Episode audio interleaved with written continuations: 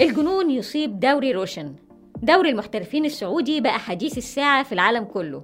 الرياضة السعودية كلها تحت الأضواء حاليا. الموضوع أكبر بكتير من رونالدو وبنزيما وميسي وكانتي ودي ماريا وسيب القوس مفتوح. مجلة زي أتلتيك الرياضية المرموقة بتتكلم عن مشروع إصلاح أكبر بكتير من اللي ممكن يجي في بالك. مش هيكون ذروته نجاح السعودية المتوقع في استضافة كأس العالم 2030 أهلا بيكم في حلقتنا النهاردة. أنا سالي حسام ومعايا محمد شوشة في بودكاست سين جيم في دقائق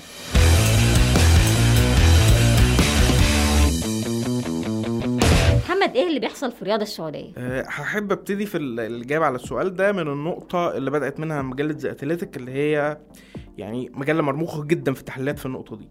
أه، المجلة رجعت بالحكاية لأكتوبر 2021 لما صندوق الاستثمارات العامة في السعودية كمل الاستحواذ على نيوكاسل يونايتد. ال- الملاك الجدد وقت ما وصلوا اتكلموا في نقطة كانت مفاجأة جدا لكتير من المتابعين إن النادي الإنجليزي اللي بقى يديره سعوديين هدفه بعيد المدى إن هو يفوز بالدوري الإنجليزي الممتاز. ودي طبعا كانت نقطة مفاجأة في ظل إن نيوكاسل كان غايب جدا وقتها. في أول موسم وبدون أي تعزيزات وصلوا لدوري أبطال أوروبا وطبعا عملوا سلسلة من النجاحات اللي كلنا تابعناها. لكن بعد الاستحواذ ده بثلاث أسابيع حصلت خطوة يمكن ما لفتتش نظر كتير من الناس يعني لكنها اتوصفت بنقلة ضخمة جدا في الرياضة العالمية اللي هي لما أطلقوا ليف جولف وده دوري للجولف كان منافس لدوري رابطة اللاعبين المحترفين. فورا مضوا مع أهم لعيبة في العالم في اللعبة وعملوا جوائز مالية ضخمة جدا وبدأت الحرب بين الدوريين واستمرت لغاية يونيو 2023 لما حصل الاندماج الدراماتيكي واللي إدى لصندوق الاستثمارات العامة السعودية الاستحواذ الكامل على الجولف العالمي ل 53 سنة. بتوصل المجلة بعدها لهزيمة الأرجنتين بطل العالم على يد السعودية في مونديال قطر 2022 واللي انتهى بانضمام كريستيانو رونالدو للنصر السعودي. وأخيرا بعد كل ده بتوصل للمشروع الرياضي الضخم اللي أعلنه ولي العهد محمد بن سلمان في يونيو 2023 واللي ذا أتلتيك اعتبرته تغيير زلزالي في إدارة كرة القدم أو بتعبير تاني إعادة إطلاق فعالة للدوري المحلي. ودي تحديدا الخطوة الرئيسية اللي خلقت كل الزخم اللي بنسمع عنه حاليا حوالين انضمام نجوم العالم للدوري السعودي. طب يا ريت بس تشرح لي أكتر إيه المشروع اللي إحنا بنتكلم عنه دلوقتي؟ آه، اللي حصل إن السعودية أطلقت خطة لنقل ملكيه أكبر آه، أربع أندية كوره في الدوري السعودي اللي هما الاتحاد والنصر والأهلي والهلال لصندوق الاستثمارات العامة. مع ضخ استثمارات ضخمة جدا في الدوري المحلي وسعي لجذب المواهب الكروية الأشهر آه، في العالم بداية من اللاعبين الاكثر آه، شهرة والأكبر سنا زي بنزيما وغيره وصولا في المدى ال- المستقبلي إن هم يضموا نجوم أصغر سنا. والمجله شايفه في النقطة دي إن المستقبل لسه فيه كتير جدا فيما يخص ال- الدوري السعودي. آه، ضمن الصفقة دي ال- الصندوق هيملك 75% من أسهم ال- الفرق الأربعة. مقابل 25% هتتخصص لمؤسسات غير ربحية. ونفس النسب هتنطبق على تشكيل مجالس الإدارات. قبل ما ننقل بقى لباقي الخطة ما أي مشجع كورة ممكن يجي في باله سؤال إن أنت كده إشمعنى الأربعة دول؟ أنت كده بتقضي على باقي فرص الأندية في المنافسة. آه، اولا هو كل الأندية كانت أصلا مملوكة للدولة قبل الخطة وبعدها. لكن اللي اتنقل لصندوق الإستثمارات اللي هم الأهلي والاتحاد والنصر والهلال زي ما قلنا دول بيعتبروا أكبر أربع أندية شعبية وتتويج في, في السعودية وبره. آه، لكن بالإضافة في أربع أندية تانيين هيتغير هياكل ملكياتهم زي مثلا أرامكو اللي هتاخد حصة كبيرة من القادسية وهيئه تطوير الدرعية اللي هتقوم بالنادي المحلي للدرعية ونفس الأمر ينطبق على الهيئة الملكية لمحافظة العلا. وأخيرا نادي الصقور اللي هيتنقل لنيوم طيب دول 8 أندية فالمتابع الجيد للدوري السعودي هيشوف إن مثلا ما فيهمش فريق منافس زي الشباب. فالسؤال دلوقتي باقي الأندية وهتبقى يحصلها إيه؟ هتندفن؟ هو ال- النقطة دي فعلا كانت مثيرة للجدل خصوصا إن ال- الدوري السعودي المحترفين زادوا من 16 ل 18 ففي 10 أندية بره دايرة الاستثمارات اللي إحنا اتكلمنا عليها. لكن أصلا في سؤال منطقي هنا في النقطة دي. قبل الخطوات الأخيرة هل الدوري كان متكافئ أصلا؟ طيب هو في أصلا أي دوري في العالم متكافئ؟ طبيعي إن بيبقى فيه فرق في ال- في المقدمة وهي اللي بتنافس وفي فرق متوسط جدول وفي فرق في الآخر. آه، هنا ال- المنظمين في الحالة دي بالتحديد بيجادلوا إن الفرق الأصغر هتبقى مستفيدة من خطوات التطوير أو ال- الاستثمارات أو ال- الضم أو الشراء ايا كان اسمها يعني اللي هتحصل للفرق الأكبر. ده اللي هو إزاي؟ آه، بيقولوا إن تدفق التعاقدات مع أسماء كبيرة هيخلي أنت دلوقتي الفرق الكبيرة جابت لعيبة عالمية تمام؟ عندها لعيبة محليين سعوديين كبار. ال- اللعيبة دول هيروحوا فين؟ هيضطروا إن هم يتنقلوا لانديه الوسط ويمكن أندية ديل ترتيب الجدول وإن ده بالطبيعي إن هو هيزود المستوى العام لل- للمنافسة. لكن هل الفلسفة دي هتنجح ولا لأ؟ ده سؤال تاني. أنا يعني تقريبا ما حدش عنده إجابة. بس هيفضل السؤال المهم ليه كل الصرف ده؟ آه، طيب هو في اتهام طبعا إحنا أكيد معظمنا تعرض له في الميديا العالمية اللي هو الغسيل الرياضي. آه، بعض المنتقدين بيقولوا إن بعد ما السعودية استثمرت عالميا كمان بتنقل دوريها المحلي للجمهور العالمي. اللي لما يجي أسماء كبيرة هتشغله عن أي كلام سلبي عن السعودية. لكن الرواية السعودية هنا بتتكلم في نقطة مختلفة جذريا لأنهم بيقولوا إن الخطوات دي جزء من رؤية 2030 اللي هي بتستهدف في الآخر تنويع المصالح الاقتصادية من ناحية ودمج الشباب من ناحية تانية والشروع في برنامج تحديث غير مسبوق من الناحية التالتة. بمعنى؟ آه، يعني اولا نقل الملكية لصندوق الاستثمارات السعودية بيقولوا إن هو مش نهاية المطاف. بيقولوا إن دي خطوة أولى عشان ال- الهيئات ال- اللي هي تولت الأندية دي تبدأ تحسن جودة المنتج. انت بتحدث المنتج لأنه في الآخر خالص في تارجت إن انت تبيعه لهيئات قطاع خاص. فبدل ما انت بتبيعه دلوقتي مثلا فريق زي النصر هو كان لقبه العالمي فانت فعليا بتبيعه فريق عالمي. في آه، رونالدو وفي لسه أسماء تانية جاية ونفس الموضوع ينطبق على بقية ال- ال- الفرق اللي هيجي لها نجوم عالميين. فبالتالي لما تيجي تنقله للقطاع الخاص هتبيعه بسعر أضعاف أضعاف سعره الحالي. آه، فاكرة النقطة اللي بدأنا بيها التقرير اللي هي بتاعة الجولف أو التقرير في النقطة دي بالذات بيقول إن صندوق الاستثمارات قرر إن هو ياخد نفس الفكرة copy paste بس بدل ما كانت بتتعمل على نطاق الجولف العالمي هتتعمل على نطاق ال- الدوري ال- السعودي المحلي. وزير الرياضة السعودي عبد الله بن تركي الفيصل بيقول الهدف من المشروع إن دوري المحترفين السعودي يبقى واحد من أفضل عشر بطولات دوري في العالم وإن مهما كانت الفلوس اللي هتدفع دلوقتي فمش هتيجي أي حاجة جنب ال- ال- القيمة ال- السوقية للدوري اللي اتضاعفت ثلاث مرات ووصلت آه، 8 مليار ريال ومتوقع تتضاعف أكتر وأكتر من خلال مزيج من الإيرادات التجارية واستثمارات القطاع الخاص. وإن في النهاية التارجت الرئيسي بتاع فكرة إن الأندية السعودية تتباع لمين؟ هيبقوا استثمارات أجنبية مش محلية أصلا. بس النقطة الأبرز إنك كمان بتجيب لعيبة بيتسموا يعني بلغة الكورة منتهين. يعني لاعب خلص كتاب الكورة ورايح يعتزل فهيقول لك وماله؟ أما ألعب سنة ولا سنتين في السعودية وبعدين أجمع مبلغ كويس وأكمل حياتي ملك. آه، هو النقطة دي فعلا مهمة جدا لأن كان في جدل بخصوص إن شكل الصرف الحالي اللي اتكلمت عنه حصل في في الدوري الصيني في 2016 وانتهى للا شيء. بس ال- السؤال هل ده أصلا آخر خطة السعودية؟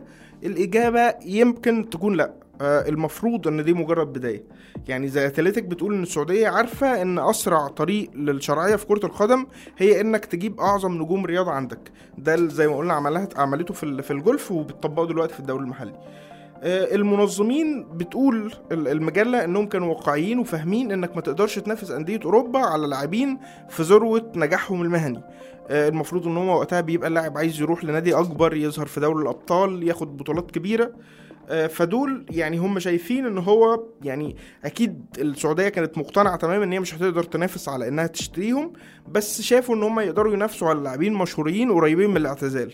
طب ليه؟ لأن يعني حتى اللعيبة دول هيجيبوا لك الشرعية الرياضية هيجيبوا لك الاعتراف العالمي هيجيبوا لك الجماهيرية وهيجيبوا لك طبعا اهتمام الميديا الدولية ويمكن أكيد كلنا شفنا إيه اللي حصل بعد ما رونالدو وصل ال- السعودية. فلما تجيب ثلاث لعيبة عالميين على الأقل لكل نادي من الأربعة الكبار وتوزع لاعب ولا اتنين منهم على باقي الأندية فكده من ناحية هتقوي الدوري ومن الناحيه التانية هتزود الأرباح ومن الناحية الثالثه ودي ال- النقطة الأهم الحقيقة إنك هتفتح الباب للخطوة اللي بعدها اللي هم بيقولوا إن هي اكتساب ال- المواهب العالمية اللي لسه هتبتدي تظهر لأنك المفروض من ضمن المشروع إن تبني أكاديميات سعودية لاستكشاف ال- ال- المواهب في المناطق الولادة زي دول أفريقيا مثلا وبعدين تجذب ال- المدراء الفنيين والإداريين الأهم في العالم قبل ما تتنقل بعدها للمنافسة على النجوم العالميين ال- الشباب ده طبعا لو مشيت الأمور زي المخطط السعودي. طيب قرينا على ال social media كلام كتير إن اللي بيحصل في السعودية بين قوسين بترمي نفسها على بواقي أندية العالم بفلوس كتير وبالتالي هيكون مصير النموذج الصيني يعني هو الأقرب. هو أنا قريت نفس الكلام برضو الحقيقة يعني وهو يبدو مقنع لأي متابع لكن يعني برضو في نفس الوقت وأنا ب- بعمل research على الموضوع ده قريت تفاصيل بالنسبة لي كانت صدمة وعجيبة جدا.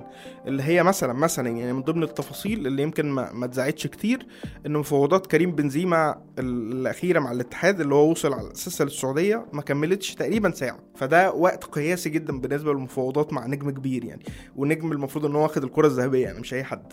آه، بالتزامن طلع تصريح آه، مصدر مطلع في الدوري السعودي بإن السعودية ما رمتش نفسها على حد. بالعكس هو بيقول بيدعوا الميديا يعني إن أنتوا تعالوا زوروا مقرات الأندية السعودية وشوفوا وكلاء اللاعبين الكبار المنتشرين حاليا على كل الأندية السعودية في محاولة إن هم يقنعوهم بإنهم يقدموا عرض للعيبة اللي هم بيديروا ملفاتهم. طب ما لو افترضنا صحة الكلام ده يبقى على الكرة العالمية السلام. يعني في السعودية مفيش قوانين للعب المالي النظيف على عكس أوروبا. فلو لاعب جاله عرض ضخم من السعودية مقابل عرض محدود من نادي أوروبي يعني مين مجنون هيسيب الفلوس بتاعت السعودية؟ آه، دي كمان نقطة مردود عليها. يعني ال- التقارير ال- الرياضية ال- الموثوقة في العالم بتقول إن صحيح ما فيش أي نادي أوروبي هيقدر ينافس عرض سعودي من اللي بيتقدمه حاليا لكن الوضع كله بشكله الحالي المفروض إنه مؤقت. يعني السعودية بتدفع كويس حاليا عشان تجتذب الن- النجوم عشان تحسن مستوى الدوري المحلي. آه، في المقابل الفلوس دي هتروح لمين؟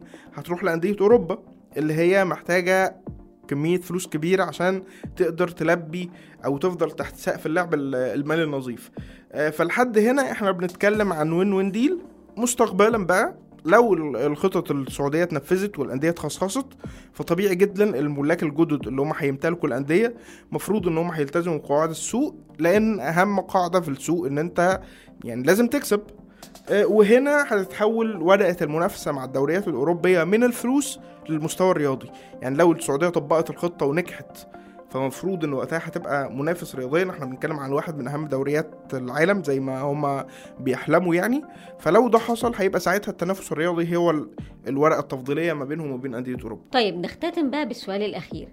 ليه كل ده دلوقتي؟ آه، إحنا قلنا جزء كبير من الأسباب على فكرة خلال الحلقة بس خلينا نلخص الإجابة برضو من التقرير اللي جمعته ذا اتلتيك لأنها رجعت في تجميع الإجابة دي لأربع آه، شخصيات آه، أمير سعودي عالم جيوسياسي طبيب وخبير اقتصادي وقالت من خلاله إن السبب الحقيقي في النقط ال- اللي إحنا هنقولها دلوقتي اللي هي أولها إن عدد الحضور في مدرجات الكرة في السعودية اتضاعف بوصول رونالدو بنسبة 143% طبعا اللي متابعين الكورة هيبقوا فاهمين قيمة ال- الرقم ده فكرة الحضور الجماهيري يزيد بالرقم ده قد إيه هي مهمة. طبعا غير مبيعات ال- القمصان والتسويق وغيرها فبيشوفوا إن الموضوع إلى حد ما متعوض ماليا. ده ال- الجزء اللي يخص المشاهدة. في جزء تاني مهم برضو بالنسبة للسعودية اللي هو نسب الممارسة الرياضية. ال- التقارير بتقول إن الزخم الحالي اللي حصل بعد كل اللي إحنا بنسمع عنه ده زودت نسب ال- الممارسة الرياضية في السعودية بين الشباب والبنات والصغيرين والكبار وإن النسب اتحركت من 13% في 2015 ل 50% ل 2022 يعني نص ال- السكان السعوديين بيمارسوا رياضة. انت بتتكلمي على بلد 70% من سكانها تحت سن 35 سنة 60% من السكان بيعانوا من السمنة أو زيادة الوزن فاقتصاديا الصرف على الزخم ده معناه إن هو شعب صحي أكتر وده طبعا هيكون مربح اقتصاديا على المدى الطويل. سيمون تشادوك اللي هو أستاذ الرياضة والاقتصاد الجيوسياسي في كلية سكيما للاعمال بيقول إن تأثير الاستثمارات دي على السكان الشباب في السعودية مش واخد حقه في التقييم لما الخبراء بيتكلموا عن حسابات ال- الأرباح الاقتصادية وشايف إن دي نقطة يعني المفروض تتاخد جدا في الحسبان. ال- النقطة التانية بقى إن الحكومة السعودية يمكن تكون فعلا مستهدفة ال- الغسيل الرياضي ده بحسب التقرير لكنها لا هتبقى الأولى والأخيرة اللي بتعمل ده. يعني معظم دول العالم بت بت بتروح للنقطة دي بشكل أو بآخر. لكن الأهم بحسبه إن المستهدف الرئيسي داخلي مش خارجي. هو شايف إن اللي بيحصل هو بيع وجهة نظر للشباب السعودي إن أي اضطرابات ممكن تحصل في العالم كله ما تخصكش. أنت شاب مختلف. انت حياتك مختلفة تماما عن أي حد في العالم. انت كنت بتحلم بميسي وبرونالدو بتروح يعني بتسافر أوروبا أو بتتفرج عليهم في التلفزيون أو بتشجع أندية أوروبا مخصوص عشانهم. طب إحنا يعني طلباتك أوامر إحنا جبناهم لحد عندك. فلا أنت زي العالم لا سياسيا ولا اقتصاديا ولا اجتماعيا. وأخيرا فهم بيقولوا إن كل التغييرات اللي حاصله دي هتأثر ايجابيا على مشروع السعودية لاستضافة ال- المونديال. إحنا قلنا إن هو المفروض إن السعودية بتخطط لاستضافة 2030 ال- التقرير بيفترض إن قد تكون السعودية لو لقت إن المنافسة شديدة في 2034 تقدم على النسخة اللي بعدها. وإن ده برضو حتى استضافة المونديال نفسها مش هدف أخير يعني هدفها جذب المزيد من الاهتمام الأجنبي ومنح السعودية المزيد من القوة الناعمة في العالم كله. وهنا بتكون انتهت حلقتنا. بنعتذر لو طولنا عليكم لكن أظن الموضوع يستحق. هنسيب لكم المصادر في الديسكريبشن ولو عندكم أي أسئلة أو إضافات أو اقتراحات ابعتوا لنا على info الدقائق دوت نت واستنونا الحلقة الجاية.